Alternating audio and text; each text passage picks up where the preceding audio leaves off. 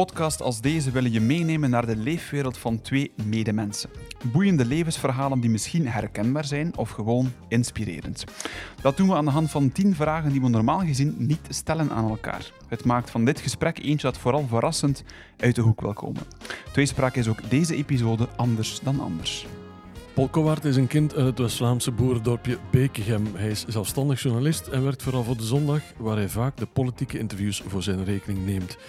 Met Wildland bracht hij zijn tweede boek uit. Een ode aan de schoonheid van natuur, waarin hij beschrijft en laat zien waarom ze bedreigd wordt. Een boek vol fotografische verwondering. Professor Dr. Guy Chun is endocrinoloog in het UZ van Gent. Hij is gespecialiseerd in onder meer transgenderzorg, andrologie en hypofyse-aandoeningen. Met zijn partner Milan werd hij in maart de trotse papa van zoontje Maximiliaan. Hij is ook hoogleraar, werd bekend door zijn deelname aan Topdokters, De Verraders en De Slimste Mens ter Wereld en schreef ook verschillende boeken zoals Fit op 50. Dag heren, hoe gaat het met jullie? Hopelijk beter dan met het weer, mag ik hopen. Paul? Ja, zeer goed. Uh, ik ben blij van hier te zijn. Dankjewel voor de uitnodiging. Ik vind het altijd fijn om nieuwe mensen te leren kennen. Ik moet eerlijk toegeven dat ik jou niet kende voor, voordien. Uh, maar goed, het is uh, een leuke gelegenheid om dat dan bij te werken. Hè. Voor mij net hetzelfde. Ik vind het heel fijn om, om hier te mogen zitten en ik ben heel benieuwd wat dit zal geven. Fantastisch. Normaal gezien stel jij de vragen als... Nou, doorgaans zit ik aan de andere kant van de microfoon. Dus als ik te veel vragen stel, hou mij tegen. Ja. Hebben jullie elkaar dan gegoogeld en zo, zoals dat uh, wel vaker gebeurt? Ja, toch wel. ik, ook. ik ook. En heb je dingen gevonden die je nog niet wist? Geen rare dingen. dat hij aan de verraders deelneemt. Ah. Dat wisten we inderdaad nog niet. Ja, dus, uh, maar ik ben zo één van de twintig maar. En er zijn andere, veel grotere bekende Vlamingen dan ik ben. Maar een... Uh, kleine speler in, uh, in die groep. Dus vandaar dat je het gemist had. Ja. Fantastisch. Jullie hebben over vragen gesproken, de vragen op voorhand ook doorgekregen van ons. Heb je die gelezen, doorgenomen, voorbereid of gewoon links laten liggen? Ik heb ze gelezen en ik heb zo een kleine notitie gemaakt bij elke vraag, zodanig dat ik niet helemaal stilval als je mij een vraag stelt. Ja. Ja, ik heb die ook gelezen en toch ook even over nagedacht, omdat ik het ook wel belangrijk vind dat als je hier komt, dat je wel iets te zeggen hebt. Fantastisch. Dat hopen wij ook, Steven. Dus ik denk dat we er meteen kunnen invliegen met een eerste vraag. Uh, ja, jij mag die zelf stellen. Oké, okay, dan mag ik kiezen. Fantastisch. Wel, we gaan deze nemen. Welk boek, film of stukje muziek heeft of had een impact op je leven? Zullen we misschien beginnen met Paul? Ik heb er even over nagedacht. Ik had zo'n aantal boeken wel eerst genoteerd en, en misschien ook een paar films, maar eigenlijk dat klopt allemaal niet. Eigenlijk als iets impact had op mij, dan is het de stripreeks Suske en Wiske. Dat denk ik echt. En dat heb ik ook ontdekt. Ik heb dat ontdekt bij het schrijven van het boek Wildland. Ik, ik ben, veel van mijn engagement komt voort uit die stripreeks. Ik vind dat heel opvallend. En ik heb een aantal strips, ik heb die nog allemaal thuis. Ik heb die, die ook eens van zolder gehaald. En effectief, ik vind dat verbazend. De, de passies die ik heb, voor het wilde leven bijvoorbeeld, maar ook voor schilderkunst en zo, die komen daaruit voort. Hè, vaak. Ik, vind, ik vond dat heel verrassend om, om te ontdekken. Dus als iets mij gevormd heeft van boeken of, of kunst, cultuur, dan is het Suske en Wiske. Heb je dan herkend in een of ander personage? Of? Nee, dat minder. Nee, dat minder. Meer het engagement, denk ik. Ja. Hebben ze allemaal herlezen nu? Niet allemaal. een aantal wel. Een aantal wel. Een aantal wel. Ik las onlangs de Rino-ramp. Dat was eigenlijk een ode aan WWF. Zo wat, hè. Dat, was, die strip is verschenen ook in de jaren 70, 80, dacht ik. Uh, ik vond het geweldig, omdat veel van wat daarin staat, wat ik nog altijd meeneem in mijn leven. Ook de toornige Tjiftjaf was een heel belangrijk verhaal van Suske Wiske. Mhm. was het verhaal dat ertoe leidde dat de vogelvangst in Vlaanderen aan banden gelegd werd. Dat staat ook in mijn boek. Ik vond het geweldig om dat te herontdekken. Ik wist dat eigenlijk niet. Het is op zich denk ik wel iets vandaag dat we minder en minder zien. Dat er nog strips gelezen worden. Ja, ja. Dat is natuurlijk wel jammer, denk ik dan. Dat vind ik heel jammer. Ja. ja. Mijn dus, kinderen lezen nu wel nog strips. Niet allemaal. Meer, meer hedendaagse strips over dingen die de buurtpolitie en... en uh, maar, maar de Suskawiskes, nee, voorlopig nog niet. Nu, ze zijn nog, ze zijn nog klein. Hè, nog. Misschien ooit een strip over de verraders. Wie weet. wie weet, wie weet. Er, is een, er is een bordspel dat de VTM uitgebracht heeft. Dus ik denk dat veel kinderen gaan de verraders spelen uh, binnenkort. Leuk. Maar ik was ook een grote fan van, uh, van alles wat Willy van der Steen uh, tekende en schreef. En ik had ook zo alle zusjes en wisjes tot op een bepaalde leeftijd. Maar ik heb die dan eh, doorgegeven aan mijn neefjes en nichtje en nooit meer teruggezien. Dus ik weet, ik weet niet waar dat die zijn, of dat ze nog eh, intact zijn of niet. Want Ik heb, dat, die nog, ik heb die nog allemaal liggen. van der Steen schreef bijvoorbeeld ook de Rode Ridder. Is dat dan ook iets? eh, Ja, ja, ja. ja, dus eerst zo als kind zusje en wisje vooral. En dan iets ouder was dan de Rode Ridder. Ja, Mm. Fantastisch. super mooie strips. En nog steeds. En Het trouwens de eerste keer is dat iemand een strip zegt als zijn of haar Ja. impactmomentje, wat dat heel mooi is. Wat zei ze van jou, Guy? Guy, sorry. Guy, Guy, maakt niet uit. Ehm, bij mij is het de, het volledige oeuvre van Pedro Almodovar, de Spaanse regisseur, die eh, heel veel invloed gehad heeft op, eh, op mezelf als persoon en wiens films ik eh, ongelooflijk boeiend vind. En ja, ik weet niet hoeveel films dat hij nu gemaakt heeft, 17, 18 of zo, maar uiteindelijk zit daar altijd een rode draad in en heel veel verwijzingen naar vorig werk en soms toekomstig werk. En het is heel erg Spaans en het is heel erg ehm, emotioneel en het is heel erg mooi eh, gebracht. En ehm, ja, er zitten heel veel eh, uitdagende, prikkelende verhalen in. En samen met de esthetiek en de muziek van die films is dat iets wat, eh, Mm. wat ik heel fijn vind. En in mijn huis vind je de meeste filmaffiches van zijn films eh, als decoratie. En ik raak ze niet beu gezien. Ik heb ze minstens vijf keer gezien en sommigen nog meer. Mm. Dus eh, ja, dat heeft wel een, een belangrijke impact gehad op mijn leven en ook mijn liefde voor Spanje. Op een bepaalde vakantie ben ik naar Madrid getrokken, net om al die filmlocaties te gaan bezoeken. En dus ja, het boeit mij enorm. Voor de mensen die Almodovar niet kennen, welke film moeten ze zeker bekijken uit het uiveren? Eh, ik denk Todo sobre mi madre, All About My Mother en dan Hable con ella. Dat zijn zo de twee films die heel dicht tegen elkaar liggen qua tijdsperiode, die wel de beste zijn van zijn oeuvre, denk ik.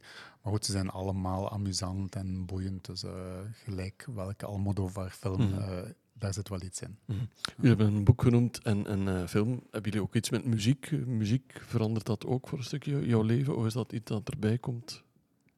Ik hou van muziek, ik luister graag naar muziek, maar ik kan niet zeggen dat ik nu echt een nummer heb of een artiest die, die, een, die een impact gehad heeft op wat ik doe of wie ik ben. Dat kan, kan ik minder zeggen. Ja, bij mij wel. Ik ben eh, geboren in het jaar 70 en eh, toen ik in de puberteit was, 14 jaar, kwam Madonna met haar eerste single. En die muziek en vooral haar persoon heeft heel veel voor mij betekend. Ik, heb, ik was een enorme fan gedurende Hans mijn puberteit. En als, naarmate dat ik ouder werd en in het uitgangsleven belandde, eh, was het toch een belangrijk figuur. Iedereen kende Madonna en ook haar... ehm, vooruitstrevendheid, haar eh, uitgesprokenheid rond seksualiteit, rond genderdiversiteit. Eh, ja, dat, is, dat was perfect passend bij wie ik ben en eh, zeer inspirerend. Ik denk, eh, Express Yourself, eh, een van haar grote hits. Eh, een goede vriend van mij zegt altijd opnieuw van, volg uw idool en express yourself. Terwijl voilà. ik op zich een vrij timide persoon ben. Maar dan zo die kreet van, eh, Ja. doe daar iets mee met al hetgeen wat er van binnen leeft. eh, Ik vind het wel komt daar wel uit, ja. Wat Ja. muziek kan betekenen voor mensen. Ik vind Ja. wel heel mooi. Ja. Want ze zouden normaal gezien naar België komen. De tournee is afgelast. Zou Nee, je nee, op de nee, eerste nee, rij nee. staan of niet? Eh, de tournee is niet afgelast. Eh, ze start toch in Europa. Oké, toch? Ah, oké. En eh, ze komt twee keer naar Antwerpen. Ik ga beide avonden. Oké. Eh, dus ja, nog Wauw. altijd. Ik heb alle tournees gezien eh, gedurende mijn leven. En dan, ja, deze kan ik natuurlijk niet missen. Mhm. Ja. Je bent vrij timide, zeg je af. Maar ben je dan iemand die uit de bol gaat tijdens zo'n concert? Of? Nee, nee, nee. Ik, ik, ik zie het graag, maar ik ga daar nu niet als een gek op de eerste rij eh, gaan doen. Eh, maar ik ben er wel graag bij. Ja. Oké. Mooi. Voilà, bij deze. Het is niet gecanceld, maar het gaat gewoon door. ja, is leuk om te weten. ze leeft nog altijd. Op een bepaald moment heeft aan een zijden draadje gehangen en lag ze op intensieve zorgen. Mhm. Maar ze leeft. Meer dan ooit. Voilà. Klaar voor de volgende vraag, denk ik dan. Jullie zijn al bij mensen die tussen de mensen komen. eh, de een als interview, de ander als arts. Ehm, dan heb je wellicht vaak het gevoel dat je iemand helpt. Maar wanneer heb je voor het laatst het gevoel gehad om echt ehm, heel grondig, heel diepgaand iemand te helpen? Ehm, ja, het laatst heeft natuurlijk alles te, te maken met de geboorte van mijn zoontje. Hij is eh, in maart geboren. En dan ben je verantwoordelijk voor zo'n klein wezentje dat helemaal hulpeloos is voor alles. En uh, zo het meest onbaatzuchtige helpen wat, wat ik ooit gedaan heb in mijn leven, dat is wat ik nu doe de voorbije drie maanden. En ik doe dat met enorm veel plezier. En, um, en het, is, het is ook een enorme omwenteling in mijn leven, want ja, ik ben papa geworden op mijn 52ste. Dus ik heb het grootste deel van mijn volwassen leven uh, tot hiertoe voor mezelf geleefd en voor mijn werk en ambities en alles wat ik graag deed. En nu staat dat toch een beetje op een uh, pauzeknop, mijn eigen behoeften, en gaat alles vooral naar, uh, naar ons zoontje.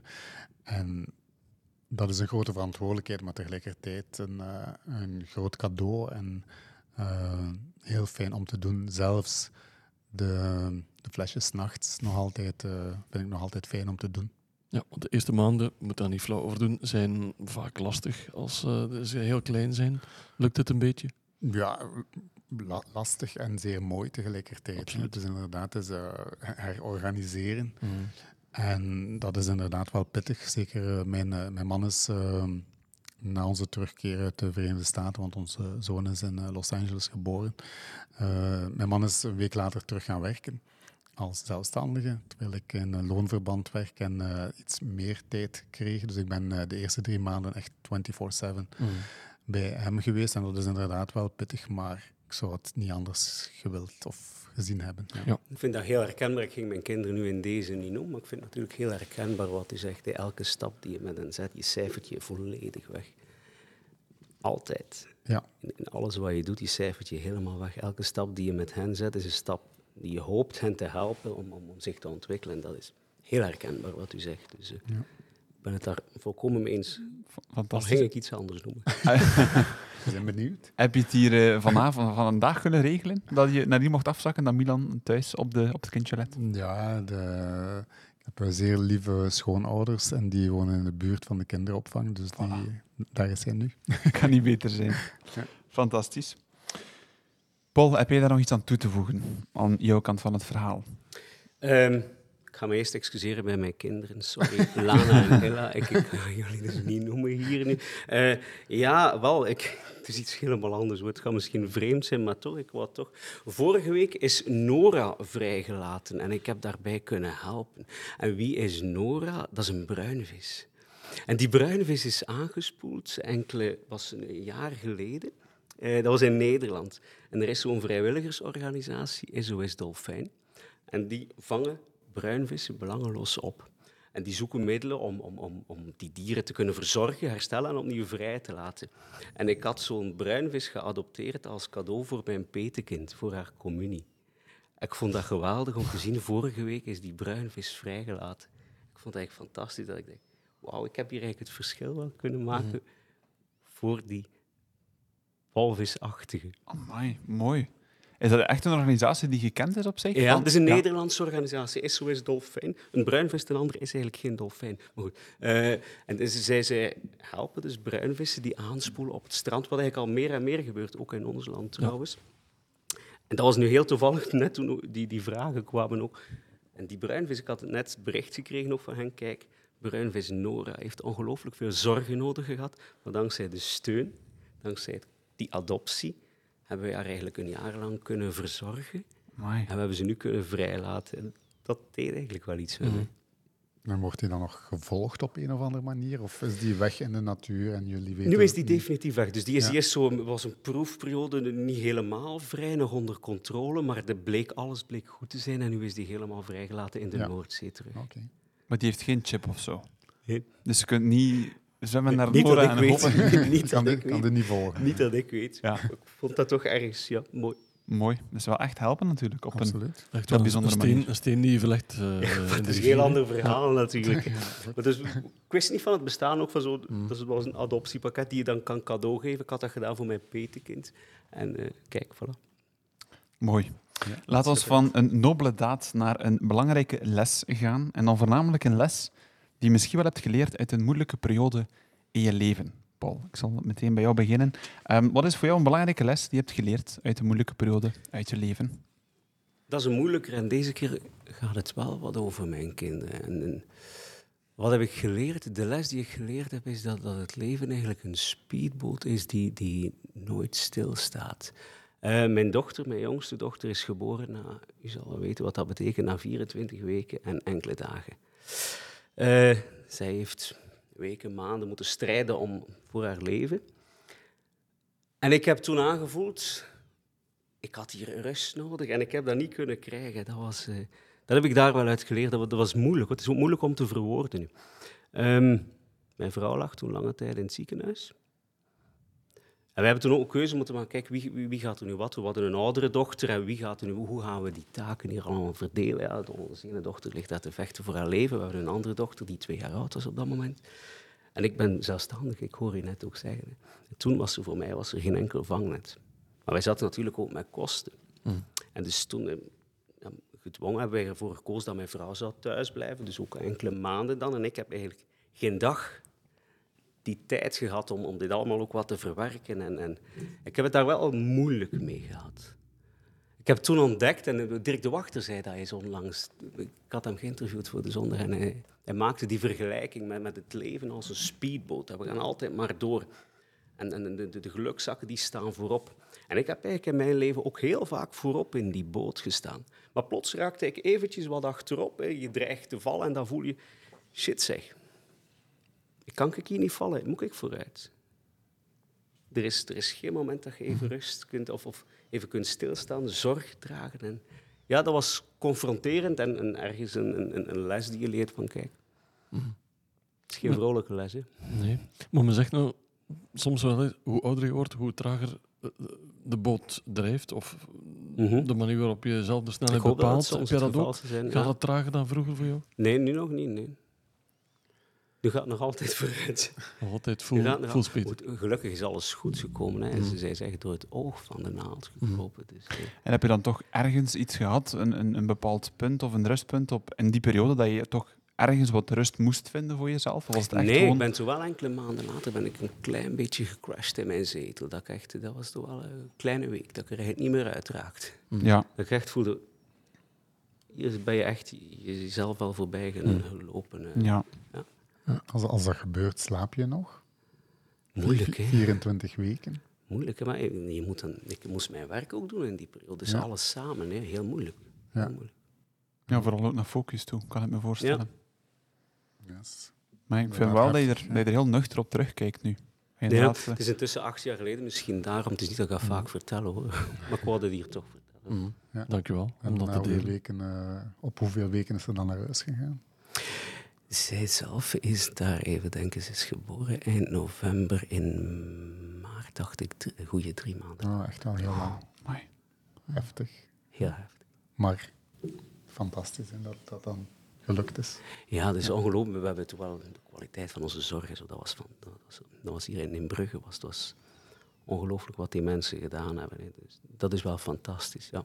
Ja, maar... Dat is ook een les die ik heb geleerd. Dat is dan een positieve les. Dat we ongelooflijk goede gezondheidszorg in ons land hebben. Mm -hmm. Dat op dat vlak heel goed voor ons gezorgd wordt.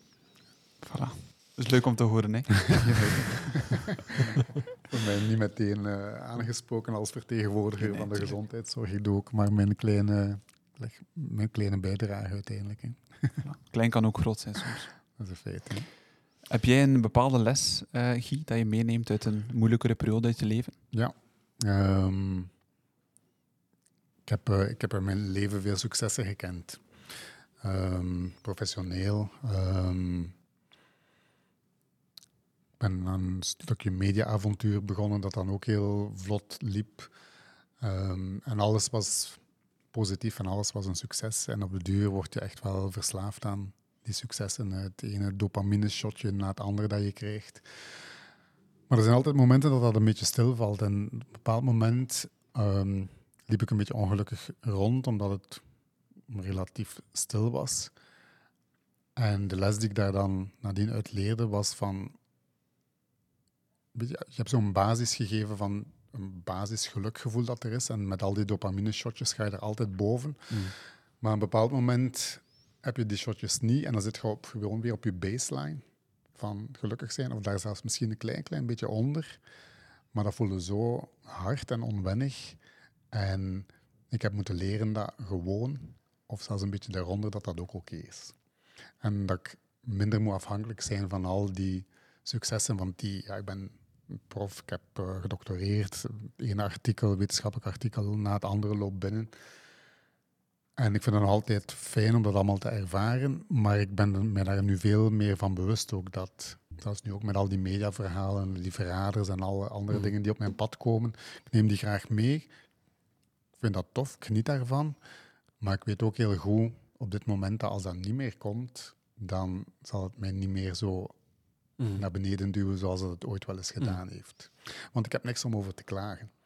En ik was wel aan het klagen, terwijl ik eigenlijk niks had om over te klagen. En dat is, was dan geen moeilijke periode in mijn leven zoals dat jij mm. nu die moeilijke periode vertelt, maar het was lastig op dat moment. En mm.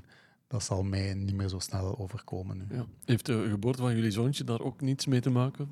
Het feit dat je het leven nu een beetje anders ziet ook? Ja, sowieso. Nu is het helemaal... Uh, maar goed, dat inzicht was, al, was al lang voor de geboorte van, van onze zoon. En nu is het mm. natuurlijk wel... Dan, ja, dan relativeer je alles nog veel, veel meer natuurlijk. Hè. Ja. Maar je zorgt ook voor een andere soort dopamine, denk ik. Ja, ja elk glimlachje en elke knuffel is dopamine nu. ik vind het wel boeiend dat je dat zegt, want niet dat veel mensen dit soort durven uitspreken. Ook dat het ook een tegenkanting heeft van aandacht is leuk en is, is fijn, maar als dat even wegvalt, dat je dat toch echt wel voelt, ook mentaal, van oei, dit is even niet oké. Ja, het is, uh, het is onwennig als, als de aandacht wegvalt, of mm. de, de, wetenschappelijke aandacht, of de, de media-aandacht, en ineens valt het dan stil, logischerwijs, dan kan dat wel een beetje raar aanvoelen, omdat je het op een bepaald moment wel zo'n beetje gewoon bent. Hè. Merk je dat ook aan al die mensen, politici die je inter interviewt? Vast en zeker aan de politici die je kent, ongetwijfeld. Ja, absoluut, dat is zo. Succes werkt verslavend en aandacht werkt verslavend, ongetwijfeld. Mooi. We gaan uh, tijdreizen. Is dat een goed idee? Um, we zijn in 2023 eh, beland. Uh, als dit wordt uitgezonden, zijn we weer al een stukje verder. Maar we gaan eens tijdreizen. We kunnen dat doen in de toekomst of even goed achterom. Naar welke periode, naar welk jaar, naar welk tijdsvak wil je dan graag eens terug? En vooral waarom? Guy? ik wil heel graag terug naar de 70s in New York en de tijd van Studio 54. En dat is een periode die mij altijd gefascineerd heeft. Vooral omdat ik zo net te jong was. Ik leefde al, maar ik was net te jong om daar uh, bij te horen of dat mee te maken. En zo de hele disco-periode, de vrijheid, blijheid van de Flower Power, die dan zo net uh, daarmee samenliep. Uh, ik denk dat dat een heel relaxed sfeer was in de wereld op dat moment. En um, het moment dat ik mij daarvan bewust was, uh, of dat ik meer bewust was van wat er allemaal gebeurde in de, in de wereld, zijn we de jaren tachtig. En toen was het toch allemaal een beetje grimmiger. En ik heb altijd zo een beetje het gemis van, ik, zou bewuster mijn eerste levensjaren hebben willen meegemaakt. En dan zo het summum daarvan lijkt mij dan New York in de jaren zeventig. Anderzijds, ja, er zijn natuurlijk ook uh, negatieve aspecten aan. Hè. Het moment dat de HIV eh, ontstaat en dat er heel veel aids-doden vallen. Dus mocht ik uh, toen 17 jaar geweest zijn in New York, ik zou hier niet meer zijn waarschijnlijk. Uh, dus tegelijkertijd vind ik het ook niet erg dat ik dat niet heb meegemaakt, maar ik vind het wel boeiend om beelden daarvan te zien, de muziek van die tijd te horen. Uh, ja, het is zo een stukje van je leven dat je wel bestond, dat je zo net niet mm. meegemaakt hebt. Mm. Dat zou ik eigenlijk wel graag corrigeren mm. of inhalen. Heb het ook niet meegemaakt, maar het lijkt me wel extravaganter, extremer dan wat het nu allemaal is. Hè? Klopt dat? Ja, ik denk dat het toen uh, extravaganter was zonder echt gemaakt te zijn. Het was een, een expressie van, van uh, heel veel diversiteit, van heel veel liefde, denk ik. Uh, nu zijn er ook veel extravagante, veel extravagante dingen, maar ze lijken mij vaak veel meer commercieel gemaakt. En ik denk dat dat toen toch wel iets anders was. Ja. Het is naar het Amerika van de jaren 70. Nu naar het België van de jaren 70. Uh, niet meteen, nee. Dan wil ik dan toch liever over de zee gaan naar Amerika van de jaren 70. Lijkt mij inderdaad een heel boeiende periode te zijn. Het België van de jaren 70, ja, daar heb ik wel vage herinneringen aan. En weet ik, vind uh, België of Vlaanderen, zo de, de maatschappij, die toen vooral uh, gedomineerd werd door het katholicisme. Ik vind dat niet meteen de meest uh, inspirerende periode, eerlijk gezegd. Ja. Maar Ga je mee, Paul, met, uh, met Guy? Of heb je toch Wel, een totaal had ik het geweten, was ik meegegaan. Maar uh, oei, ik ga nu naar die grimmige jaren tachtig in België dan nog. nee, nee ik, ik, naar 1984 zou, zou ik eigenlijk terug willen. En dat heeft niks te maken met het boek van uh, George Orwell, maar dat is mijn geboortejaar. En ik ben sommige vlakken nogal een nostalgicus. En als je dan toch moet terugkeren naar een jaar, dan zou ik wel eens graag terugkeren naar mijn geboortejaar om te kijken, ja, waar ben ik eigenlijk opgegroeid? Wie waren eigenlijk al die mensen rondom mij?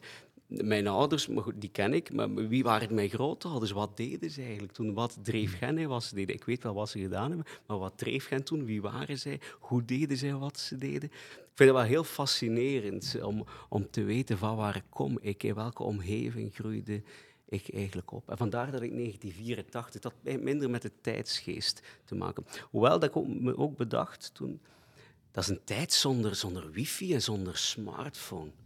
Ik ben eens heel benieuwd, hoe konden die mensen in godsnaam leven zonder dat? Wij, wij, ik raak in korte tijd met moeite zonder smartphone. wij hebben dat nodig voor elke stap die wij zetten. Hoe deden zij dat toen? En toch ging het?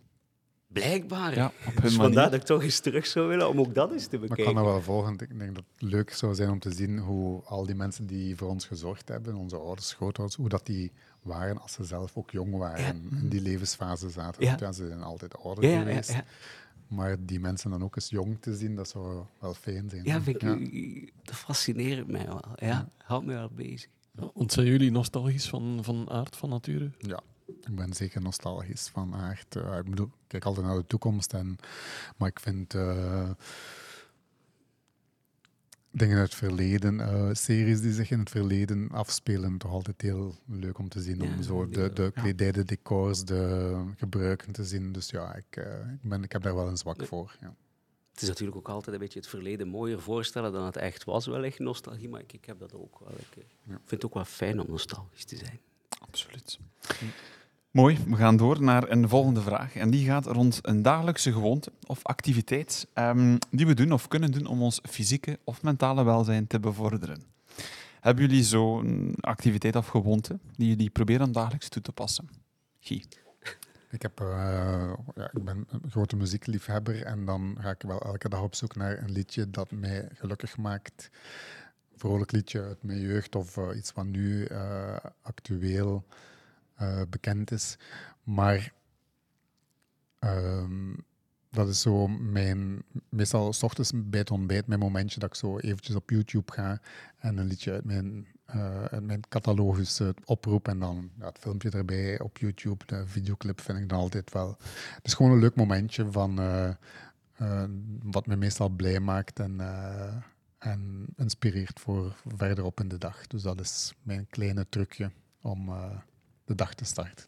Noem eens een paar video's, want je bent natuurlijk groot geworden met MTV, denk ik, die periode, jaren 80, 90.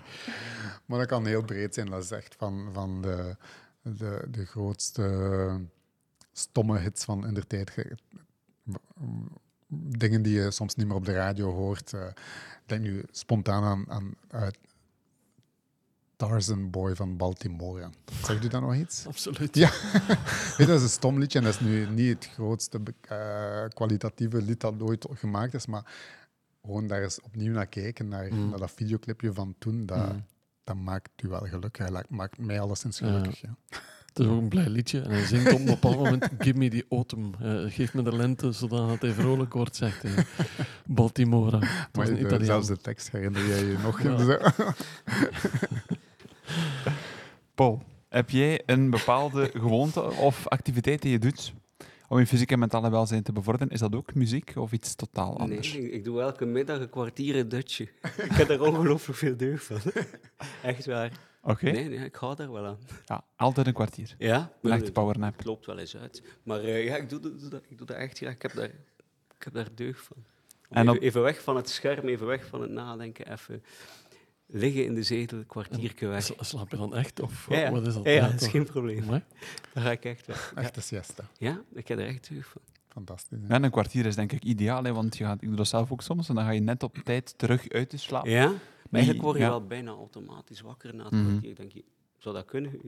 Dat je lichaam daar stilaan op ingesteld is, dat je wakker wordt? Nou, Ja, ik denk als je dat ritme hebt, dan zal inderdaad wel eh, je lichaam is daarop ingesteld. Maar ik was me mij gewoon aan het bedenken van, mocht ik de tijd en de ruimte hebben, dan zou dat bij mij niet bij een kwartier blijven, maar echt een Spaanse siesta zijn van, van een uur of twee. Maar goed. Wel mooi. Dat is ook echt een moment voor jezelf, want ja. Ja, wel, dat, dat is een letterlijk antwoord op die vraag. Dat is, dat is iets wat ik wel denk. Ik, ik, heb, ik heb daar... Het doet mij goed Mooi. Ja, en altijd op een vast uur? Na het eten. Nee, Na- nee, nee, nee, nee, nee. Dat, dat kan, dat kan één uur zijn, twee uur, dat kan twaalf uur zijn. Dat, dat hangt, ik heb nogal onregelmatige dagen, dus dat, dat hangt ervan af. En zou je dan niet bang zijn dat je blijft liggen en blijft slapen? Ik zou dat hebben. Nee, nee, nee, ook niet. Nee. Een kostbare tijd. Je moet je, wek- je wekker niet zetten om wakker Ja, te nee, het is, het is niet dat ik, ik... Ik werk niet echt van, van 9 to 5 of zo. Hè. Dus ik, ik, meestal heb ik dan nog wat teksten voor mij liggen en slaap ik een kwartier langer. Ja, dan ga ik een kwartier langer moeten werken aan die teksten op zich. Maar het voordeel is wel, denk ik, dat je met een fris hoofd dan Ja, ja. terug gaat Ja, dat helpt mij echt. Ja, ja absoluut. Ik, ik voel, je bent frisser dan. Dat helpt echt. Ze zeggen ook dat je uiteindelijk een goede power hebt, een beetje een hoge drukreiniger is voor de hersenen, die Ja. even alles Ja. reset om dan kan terug... echt met een frisse geest, eh, als je ook aan teksten begint of zo, ik laat dat graag liggen, aan de tekst beginnen tot na de middag, omdat ik dan altijd met een frisse geest daaraan, eh, daaraan kan beginnen. Ja. Het Voilà. kan iets. Meer, muzie- het muziek. Ja, ik- ben geen neuroloog of geen slaapexpert, maar ik denk dat dat inderdaad een zeer goede strategie is. Ja? Ja, Ja. Ik blijf altijd maar doorgaan. Ik, eh, over de middag, ik neem eh, weinig middagpauzes. Uh, wetende dat dat niet gezond is, maar ik denk dan van, ik wil gewoon op tijd naar huis. Ik, Ja. ben, eh, ik, wil, niet, werk van thuis. ik wil niet blijven hangen op mijn werk Ja. eh, tot in de late uren. Ja. Eh, dat is ook zo altijd iets wat ik mij voorgenomen heb, want ja, in de medische wereld er is altijd wel iets te doen. Absoluut.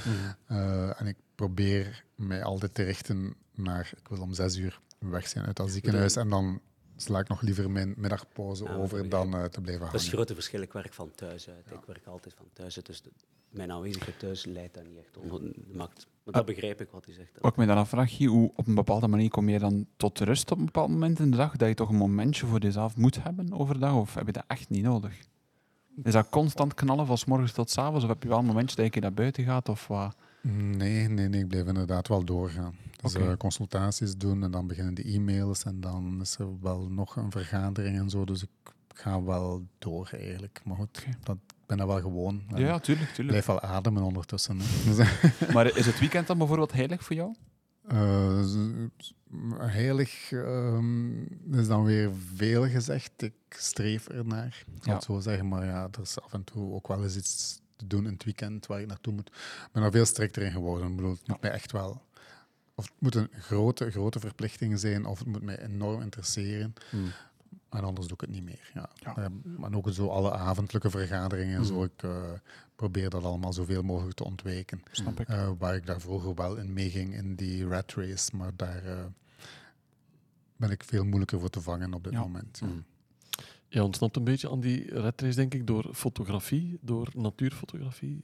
Dat zie je ook in jouw boek. Ja, dat, dat, dat was eigenlijk altijd mijn grote passie. En dat was ook mijn manier om inderdaad even, even het hoofd vrij te maken. Ik, met mijn Kodak, met mijn fototoestel, de natuur in te trekken. hè. Zoals velen, denk ik. Hè. Dat is vooral begonnen in die coronatijd ook. Ja, weinig anders te doen als ontspanning. Mijn sporten vielen wat weg. Ik minivoetbal anders, dat viel weg. En dan trok ik eigenlijk de natuur in. En daar zijn die foto's wat gegroeid. Die zetten dan op sociale media. Ik kreeg daar veel reacties op. En zo is bij mij het idee gegroeid om daar journalistiek iets mee te doen. En uiteindelijk is dat boek daar de vrucht van. Maar dat is inderdaad begonnen in de natuur als manier om te ontspannen. Komt er nog meer aan qua literatuur van jouw hand? Eh, ik mag het hopen. Ik ben 39, dus ik, mag het ergens wel hopen. Eh, maar, het is niet dat ik dat nu... Ik denk daar wel aan, maar ik ben nu nog volop bezig met dit boek. Ik doe enkele lezingen dit najaar daar rond. Dus eh, eerst dit boek, maar goed, jawel, graag. Wat je hoopt om een primeur te ontfutselen. dat is niet gelukt. Dat zou zeggen, ik ben al bezig met mijn tweede boek, maar... Of mijn derde hoofd. boek. Wat vond je trouwens van de documentaire van de, de natuur die Geweldig, recent ja, dat uitkwam? is Ja. fantastisch. Ik heb hem zelf nog niet gezien, maar ik heb heel goede ja, dingen dus gehoord. ik, ja. ik zou die iedereen absoluut aanraden. Dus er is die documentaire en er is ook de film. Het, het is, het is ongezien wat, wat die mensen gedaan hebben. Ik heb die mensen ook gesproken voor mijn boek. Dus zij komen ook voor in mijn boek. Ik heb hen geïnterviewd eh, rond wat zij gedaan hebben. Eh, dit is, het is ongezien. Want dat is Het 100% België ook hè, voor de, voor de Ja, luisteraars. Ja, Ja, het is, ja. het is wereldklasse wat die mensen gedaan hebben. Pim Niesten is daar wat de kracht achter echt waar. Het is wereldklasse. Mooi. Hoe zij onze Kijktip. natuur in beeld gebracht hebben. Ik ben maar een amateur daartegenover. Hè. Dat zeg ik ook. Hè. Maar de- wat zij gedaan hebben is echt topklas. Mooi. We gaan eh, ehm, naar een tafel waar mensen zitten die ons inspireren. We komen allemaal wel eens eh, bekende mensen tegen of eh, mensen die ons ergens wel iets zeggen. Eh, stel dat je één iemand mag uitkiezen met wie je een avond mag doorbrengen voor een heel ehm, diepgaand, goed gesprek over wat je raakt, wat je boeit, wat je treft. Iemand die overleden is of iemand die nog altijd onder ons is. Ehm, wie zou dat dan mogen zijn? Paul. Ik heb hier wel echt een vreemde naam op, hè, maar, maar het is wel zo. Dat is, dat is de interviewer in mij wellicht die spreekt. Maar als, als nu één iemand... Ja, dan zou ik met Jezus Christus eens willen spreken. Die- er is niemand die zo'n stempel op onze geschiedenis en cultuur gedrukt heeft als die man. Alles, eh, onze jaartallen, noem het maar op. Wij leven... Ik, weet niet hoe ik het moet uitdrukken, maar Heel onze cultuur is, is bijna gebaseerd op wat die man in zijn, in zijn amper 33 jaar gedaan. Ik zou die man eens willen spreken en interviewen. Wat is er daar nu eigenlijk allemaal van aan? wat, hebt u daar nu eigenlijk gedaan dat- u zo, zo'n volgelingen, zo, zo- zo- zoiets kon Je bent trouwens de, de, de tweede gast in onze podcast Ah, die is dat Jezus? Christus kiest. En het was wel grappig, want de vorige gast zei, ik denk dat die de mens zou zeggen, mannetjes, ik heb dat allemaal al zo niet bedoeld. zeg." maar inderdaad, maar ik- ja, dus dat, ik- dat, dat je hem vraagt, ja, wat was er daar nu allemaal van aan? Ja. Wat is er waar van al die verhalen? Ja. En had jij dat nu gedacht, we zijn nu 2023, dat wij zelfs onze jaartallen op uw leven baseren? Hm. Dat, is toch dat is toch onwaarschijnlijk? Absoluut. Maar dat is dus... Absoluut. Ik vind dat, dus dat fascineert mij geweldig. Dus als je dan... Ja, ik, ik kon heel veel mensen, mensen zeggen, maar als je echt één iemand moet kiezen, ja, dan zou ik toch... Een, Dat diep, mag zelfs met water zijn, hè, want die kan dat veranderen in wijn. Dus, een diepte die had ik voorbereid. Ja. Mooi. En welke vragen zou je stellen? Meneer de Ja, maar interviewer. ik, ik, zou, ik zou beginnen met... Ja, wie, wie bent u en van waar komt u? hè? Dat, dat fascineert mij. Wie, ja, wie waren nu zijn ouders eigenlijk? Dat is, wel, dat is eigenlijk al, dat is al een moeilijke in zijn geval. Maar eh, wat, wat heeft hem gedreven? Om, wat heeft hij eigenlijk gedaan? En wat dreef hem om te doen wat hij deed? En is dat allemaal wel waar wat wij daarover horen? Eigenlijk kloppen al die verhalen. Eigenlijk. Wat, wat, wat ons ingepeperd werd in het katholieke Vlaanderen, waar je net van sprak. Ik ben ook in het katholieke Vlaanderen opgegroeid, school gelopen, platteland. Dus dat was nog, wij gingen nog te biechten. In, in- ik ben wellicht van de laatste generaties met onze klas biechten. Wat, is er dan nou allemaal van waar eigenlijk? En had u het allemaal zo bedoeld? Ik zou dan ook naar de actualiteit kijken en kijk eens wat er vandaag van dat instituut geworden is. Heel actueel met die reeks God vergeten. Dus, Wat denkt u daar nu eigenlijk van? Ja. Ja, het feit Ik zou niet toekomen met driekwart. Ik denk het ook niet. Ik denk het ook niet. Maar inderdaad, wat is er waar? Wat is er marketing, zeg Ja. maar? Ja, absoluut. Mooi. Ik vind dat ongelooflijk fascinerend. Dus ja. Ja, ik vind, wij zijn eh, de laatste generatie hè, van, de, van de mensen die zo hyper-katholiek zijn Ja, opgevoed, die, ja, ja. die gebrainwashed zijn tot en met. Ik heb het onlangs er dan over gehad met, de, met mijn mama, die dan eh, een stuk ouder is, uiteraard. Ze is eh, begin de tachtig. En, en zij beseft nu ook, ook zo, niet specifiek naar aanleiding van God vergeten, maar ook zo in de loop der jaren, van wat hebben ze ons eigenlijk allemaal wijs gemaakt al die tijd. Zo Als, als jong meisje, wat, wat was dat eigenlijk in Vlaanderen, dat daar zo een structuur, een obsessie rond bestond, dat, de, dat Hans leven in teken stond van eh, bidden, naar de kerk gaan, alles Wat zou Jezus daar nu van gedacht hebben? Ja. Dat het leven helemaal in teken stond daarvan. Weet je, en, en dan ko- komen wij uit een, zeer gelovig nest. En, en mijn mama is nog altijd gelovig, maar zelfs zij zegt nu van, zo achteraf gezien, maar waar waren we eigenlijk mee bezig? En dan vraag je je af in welke mate dat, dat zo bedoeld geweest is al. Ja. Ja. Er bestond toen nog geen kerk hè, toen hij leefde. Ah, nee. Hij Wie- moest niet te biecht gaan. Nee, Wie, zit er aan jouw tafel voor een goed gesprek, eh, Guy? Eh, mijn papa zit aan eh, mijn tafel. Eh, mijn papa is overleden in 2002. Mhm. Dus dat is al lang geleden. En in de voorbije twintig jaar is er heel veel gebeurd in mijn leven. En ik eh, zou hem dat graag wel eens allemaal willen vertellen. Hij heeft daar nog een stukje van meegemaakt. Maar goed, eh, van, van eh, de redenen waarom dat ik een beetje bekend geworden ben in Vlaanderen, ja, dat heeft hij allemaal gemist uiteindelijk. Mhm. Dus, en, en ja, dat is jammer. En mijn mama zegt dat ook altijd. Hè, mocht, ons, mocht ons vader dat geweten hebben van wat er nu allemaal gebeurt. Ja. Dus ik zou hem dat graag wel eens allemaal vertellen. En ik zou hem graag vooral vertellen dat hij nog een kleinkind heeft, natuurlijk. Absoluut. Zou, Dus- zou je trots zijn, denk je? Ja, ik denk het absoluut. absoluut ja. Ja. Ja, mijn papa was in, in het begin niet enthousiast eh, met het feit dat ik met een man als partner naar huis kwam. Maar goed, naar het einde van zijn leven was dat wel helemaal oké. Ehm, maar natuurlijk, ik denk voor hem en voor veel mensen vandaag nog altijd het feit dat we nu ook een kindje hebben. Mhm. Dus eh, science fiction voor sommige mensen. En, eh, maar hij zou super enthousiast geweest zijn. En, maar goed, eh, dus als ik iemand mag uitnodigen om het allemaal nog eens te vertellen, dan eh, mag mijn papa nog eens komen. Voilà. Misschien dat we de tafels gewoon samenzetten. Dat lijkt me ook wel een boeiende combo met vier. Jezus Christus, de papa erbij. Ja. Voilà, mooi. Ja, mooie antwoorden alleszins. Ehm we gaan door naar een volgende vraag. Je moet er ook de tijd een beetje in de gaten houden, Steven. Dus dit is mogelijk de laatste of voorlaatste vraag. Hangt af van jullie antwoorden. Voilà, voilà. Snel, snel. Nee, het is gewaar. Neem jullie tijd. Ehm, en ik ga de volgende nemen. Als jullie morgen zouden wakker worden met een extra eigenschap of vaardigheid, wat zou dat dan zijn? Guy. Hij blijft denken. Hij blijft naar zijn voorbereiding kijken. Wat ik daar rond eh, geschreven had. Ehm, ja, de, de extra vaardigheid is eh, de creativiteit die in mij zit, zou ik meer ruimte willen geven. Hè, want ik zit in een structuur, een eh, structuur van een job en geneeskunde die ook eh, aan regels vasthangt. En voor creativiteit is er beperkte ruimte in mijn leven. Ik kan natuurlijk ook creatief zijn wetenschappelijk gezien, en dat doe ik ook wel. Hè. Onderzoeken bedenken, dingen gaan uitzoeken, maar zo echt wild creatief, zoals schilderen of muziek maken, dat heb ik nooit echt gedaan. Eh, misschien omdat ik daar ook het talent niet voor heb. Eh, maar als ik dan graag zo'n extra talent zou willen, dan zou ik graag die crea- creativiteit hebben met ook vooral veel tijd om dat te exploreren. Zou je dan, Wat zou je dan liefst doen? Eh, ik zou toch graag minstens één muziekinstrument willen leren. Ehm, maar goed, het is heel breed. Ik, zeg, ik noem nu zo één ding, maar hadden het daarnet over, over film en zo. En ik, ik vind ook het, eh, het maken van films vind ik fascinerend. Ik vind eh, al de, de esthetiek, schilderwerk, ik vind, ik vind alles interessant eerlijk gezegd. Maar ja, het- de, een dag is kort en zeker als je een drukke job hebt.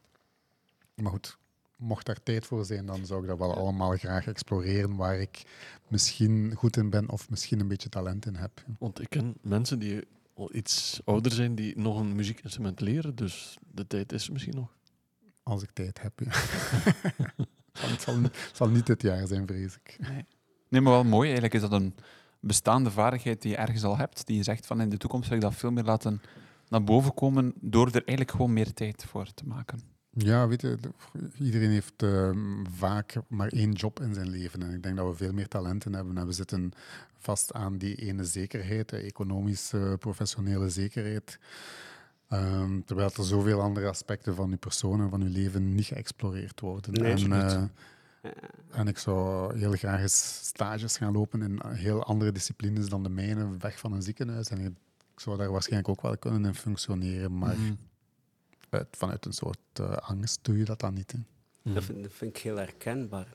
Omdat het ons aan die tijd ontbreekt om die talenten te exploreren, om te kijken of we die talenten hadden. Maar ik ging iets gelijkaardig antwoorden, maar dat was eigenlijk op een andere vraag, maar die wellicht daarop gelijkte. Wat, zou je proberen als je niet zou falen? Dat is een Mhm. beetje hetzelfde. Ik ging daar ook op antwoorden. Ik zou eigenlijk een jaar vrij nemen, als ik wist dat ik niet zou falen, een jaar vrij nemen om een roman te schrijven.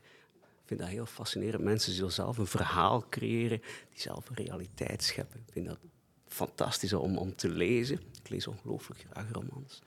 Ik zou dat ook wel graag eens proberen, maar ik weet niet of ik dat talent heb. Ik weet dat niet. En eigenlijk moet je tijd nemen als je dat talent wilt Ja. verkennen, hè, als je wil weten of je, of je dat kan. Het zou echt fictie zijn. Daar, daar Ja, ik zou dat, omdat ik niet weet of ik dat kan. Ik zou dat wel graag eens te weten komen. Maar om dat te weten te komen, moet je Mhm. echt tijd nemen. Je kan niet zeggen, ik ga tussen de soep en de patatten hier even een, Ja. een roman schrijven. Zo, zo denk ik niet dat het werkt. Mhm. Een thriller, een romantisch verhaal? Of hoe dat Ja? Er zitten zo wel wat dingen in mijn hoofd. Vertel, vertel. Familiekroniek vind ik ook heel boeiende verhalen altijd. Maar ik zei, ik heb ook die nostalgie. En ik vind dat wel... Ja, maar dat zijn dingen waar je echt tijd voor moet kunnen nemen. En daar ontbreekt het ons aan. Hè. Maar soms moet je een keer springen. Hè. Ja, soms moet je springen, klopt. Ja. Heb ik nu wel gedaan ergens op met Wild Land. Dat is makkelijker gezegd dan gedaan, maar klopt. soms moet je inderdaad eens durven ook. Durven. Ja. Dus als ik wist dat ik niet zou falen. Zoals die vraag hier luidde, ergens zit, dat was een andere. absoluut. ik vond dat heel mooi gedaan, dat een mooie journalist eigenlijk nog een vraagje ertussen steekt meteen, meteen antwoord. Dat Fantastisch. is, dat is met die natuurlijk. hè. Ja, absoluut, Als absoluut. ik niet zou falen, zou ik mij helemaal op mijn mediacarrière smeten. Want ik word Ja? overal gevraagd, maar ik moet ook nee zeggen tegen veel dingen, gewoon omdat ik nog een andere job heb en mijn patiënten Zou moet doen. ziekenhuis loslaten? Maar ehm, als ik niet zou falen Ja? en dat zou allemaal lopen, dan denk ik van, ik ben eh, nu ehm, ongeveer 25, iets meer 25 jaar dokter geweest. Misschien moet ik in mijn professionele leven ook nog iets anders doen, maar dan zou ik een zeer grote sprong moeten maken en een grote zekerheid loslaten. En ehm, ergens prikkelt dat opnieuw, maar tegelijkertijd heb je dan wel die angst van als dat niet lukt, ja, wat heb je dan nog? Eh, dat is... eh, Ik ben nu wel, ben nu wel geprikkeld, want uiteindelijk is het dan mediacarrière bijvoorbeeld echt presenteren dat je dan zou doen? Of, of... Maar nu word ik gevraagd voor, voor allerlei programma's om mee te gaan met een groep eh, bekende Vlamingen op een of andere missie. En dat is natuurlijk wel heel tof om te doen. Maar ik denk sowieso dat er in Vlaanderen een goed medisch programma op de televisie, dat dat echt ontbreekt. En dan denk ik van, mocht ik de tijd hebben, dan zou ik daar wel iets willen voor uitschrijven en gaan pitchen bij de verschillende zenders. Want dat is een, een, een een gat in de macht in België. In, eh, in de Verenigde Staten en andere landen heb je van die bekende dokters, hè, Dr. Oz en wie weet ik allemaal. Ja. Maar goed, we hebben zo geen echte bekende tv-dokter in België. Nou, er zijn zo'n aantal die daar wel in aanmerking voor zouden komen, maar iedereen doet dat ook zo'n beetje on the side. En ik Ja. denk, mochten we daar zo helemaal, daar helemaal iets van maken en een, een, een eigen programma van maken, Mhm. zou dat wel doen. Het is zoiets Maar als ik heb daar- masterchef, maar dan voor dokters. Masterdokter. Maar in Masterchef mislukt er veel en dat kunnen we ons zo niet permitteren. Want er was natuurlijk topdokters waarmee je ook eh, wat bekendheid hebt eh, vergaard. Was dat dan niet het programma waarvan je nu zegt dat het zou er moet zijn? Ehm, goh, Topdokters is een medisch programma, maar het gaat eigenlijk vooral over de dokters en over hun leven en privéleven. Ja, dus in die zin zijn zij eh, programmamakers die een beetje, een beetje bekende Vlamingen maken. Het is Mm. natuurlijk al aan, aan de hand van de kapstok van de medische verhalen die er zijn. Ehm, maar uiteindelijk gaat het over die topdokters. En stilletjes aan begin ik zo'n hekel te krijgen aan die naam, omdat al, overal en altijd geïntro- geïntroduceerd wordt als de topdokter. Terwijl dat, dat gewoon de naam is van een tv-programma en geen enkele waarde heeft, wetenschappelijk of, eh, of wat dan ook. Eh, dus in die zin ehm, gaat het daar vooral over de personages die, die topdokters zijn en veel minder over de medische inhoud waar zij voor staan. Het gaat, er een stukje over, maar veel te weinig naar mijn zin. Ja, Ja, het zou echt gefocust moeten zijn op medische en niet zozeer de ja gewoon zo eh, gezondheidsvoorlichting voor het brede publiek. Ja. Mm. Want was er in Amerika ooit geen Dr. Phil? Of Ja, was Dr. dat Oz, anders? Dr. Ja, dat Phil, ik zijn er verschillen. Ja, ja, ja, ja, ja, ja. We gaan ter volledigheid nog luisteren of wat Paul nog iets wenst toe te voegen aan zijn extra vaardigheid. Nee, nu, ik heb het gezegd. Oké, top. Nee, maar nu, een keer luisteren dat we, toch iedereen zijn woord heeft gehad, deze aflevering. Dan zijn we aan het einde gekomen van deze episode. We hebben toch redelijk wat vragen kunnen stellen, vond ik, eh, Steven. Absoluut. Ik vond het heel boeiend om eh, ja, twee mensen die we wel kennen, van ergens natuurlijk, eh, beter te leren kennen. Ik ga jullie bedanken voor jullie kwetsbaarheid, want jullie hebben verhalen verteld. Je hebt het ook gezegd, Paul, die je niet altijd vertelt aan Nee. mensen. Ja. We appreciëren dat heel erg, omdat we daardoor toch wel een beetje een band scheppen, eh, ook met de luisteraar. Ook jij natuurlijk, Guy. Eh dankjewel om het uh, kwetsbaar delen. Absoluut. Dank u wel, heren, om jullie aanwezigheid hier te zijn ook. En aan Steven voor episode 67 ondertussen. Ja. Hoe hebben jullie eigenlijk dat zelf ervaren? Want jij stelt meestal de vragen, Paul. Nu zat je aan de, aan, de, aan, de, andere kant. Ik vond het heel boeiend. Ik vond het heel boeiend. Ja absoluut. Ik vind het Ja. mooi om te zien dat de raakvlakken echt zich dan vormen Ja? tussen jullie Ja, beiden. dat is leuk. hè. Ik bedoel, mijn eigen verhaal vind ik saai, want ik vind mezelf niet zo boeiend. Maar dan Ik vind het heel lu- fascinerend. te luisteren, luisteren. Ja, naar, naar jouw Ja. verhaal vind ik dan eh, veel interessanter. Eh, mezelf horen praten eh, vind ik niet zo interessant, maar iemand daarbij die een andere kijk, een andere insteek he- Ja. heeft, dat is veel interessanter. En dankzij jou ga ik straks met Tarzan Boy van Baltimore naar huis. Ik heb vooral onthouden dat jullie eigenlijk gewoon een jaar moeten vrij afnemen om een boek te schrijven en een eigen serie te creëren. Kijk eens aan. Voilà. En inderdaad, ik ga die ik moet opzoeken. Dat liedje is sowieso van voor mijn tijd, denk ik. Express Yourself van Ja. Madonna. Ook nog. Dat zal ik ook doen. Voilà. Heren, bedankt. Dankjewel Paul, dankjewel Guy, dankjewel Pieter Jan. Met plezier. Dankjewel, Steven. En aan beide heren, tot de volgende.